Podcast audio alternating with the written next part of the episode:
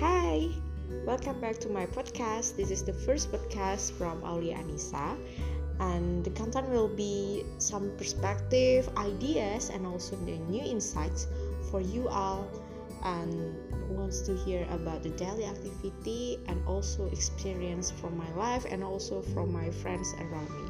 So, daripada kamu gabut, galau, terutama anak-anak yang kosan, mending dengerin podcast kita. Semoga bermanfaat.